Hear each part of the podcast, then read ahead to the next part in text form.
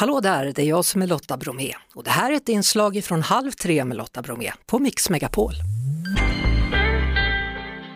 FNs första miljökonferens anordnades i Stockholm 1972 och för att uppmärksamma 50-årsjubileet så står Sverige återigen då som värd och konferensen den startar idag. 110 medlemsländer finns på Stockholmsmässan i Älvsjö för att fira och som det står på regeringens hemsida öka takten i omställningen mot en mer hållbar framtid. Välkommen nu Idun Rudemo från den internationella ungdomsrörelsen Fridays for Future Sverige. Tack så mycket. Ja du, vad tycker du om den här miljökonferensen, FNs miljökonferens som startar idag? Ja, alltså jag tycker inte riktigt att det finns någonting att fira. Eh, på 50 år så har det inte hänt så mycket. Um, så ja, förhoppningsvis så händer det väl någonting men det brukar inte göra det vid sådana här konferenser som vi har sett på COP tidigare och så.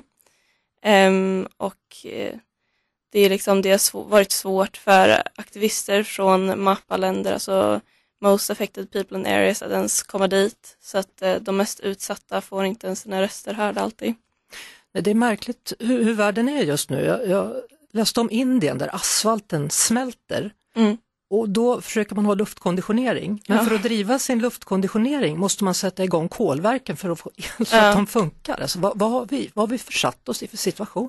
Ja, alltså vi har inte agerat. Det, vi har haft liksom så mycket tid eh, och vi har knappt gjort någonting än. Eh, och tiden håller på att rinna ut så att vi måste liksom, vi måste förbjuda fossila bränslen, vi måste göra radikala förändringar. Mm. Greta Thunberg då, eh, mm. som ju var med och startade det här Fridays for Future Sverige, hon har tackat nej till att vara en av talarna. Varför då? Det är viktigt att vi ger utrymme till de från MAPA-länder, de mest utsatta. Det är inte vi från liksom eh, Europa som behöver tala. Samtidigt är ju hon en, en världskänd talare. Jag vet att när jag mm. var i Brasilien eh, för några år sedan så frågade de var kommer du ifrån? Av mm. Sverige.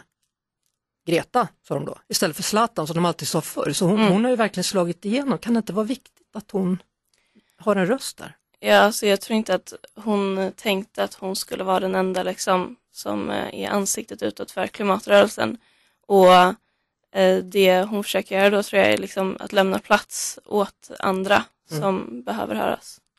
Vad kommer ni på Fridays for Future att göra under den här konferensen? Ja, alltså det är ju eh, flera eh, eh, aktivister från Fridays for Future som är med på konferensen eh, från hela världen. Och eh, sen så har vi en strejk imorgon klockan ett eh, som startar från Odenplan och går till Norrmalmstorg med talare från hela världen och artister och så. Mm. Ehm, för att vi, vi tycker inte att det här är något att fira. och vi vill, vi vill liksom demonstrera och visa att de kan inte bara prata, de måste agera. Klimat och miljöministern då i Sverige, Annika Strandhäll, har ju inför konferensen kallat Sverige för ett föregångsland och uttryckt att hon är stolt över den roll som Sverige har spelat i det internationella miljö och klimatarbetet. Håller du med?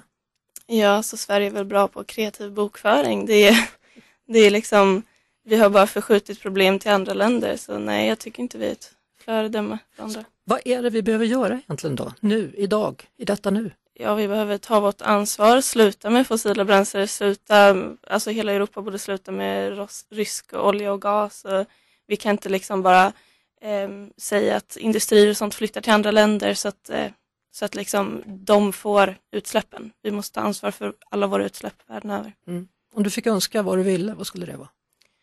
Alltså, politikerna skulle lyssna och faktiskt agera så att vi har en, en framtid med eh, under 1,5 grader uppvärmning.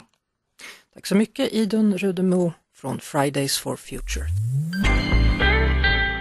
Det var det. Vi hörs såklart igen på Mix Megapol varje eftermiddag vid halv tre.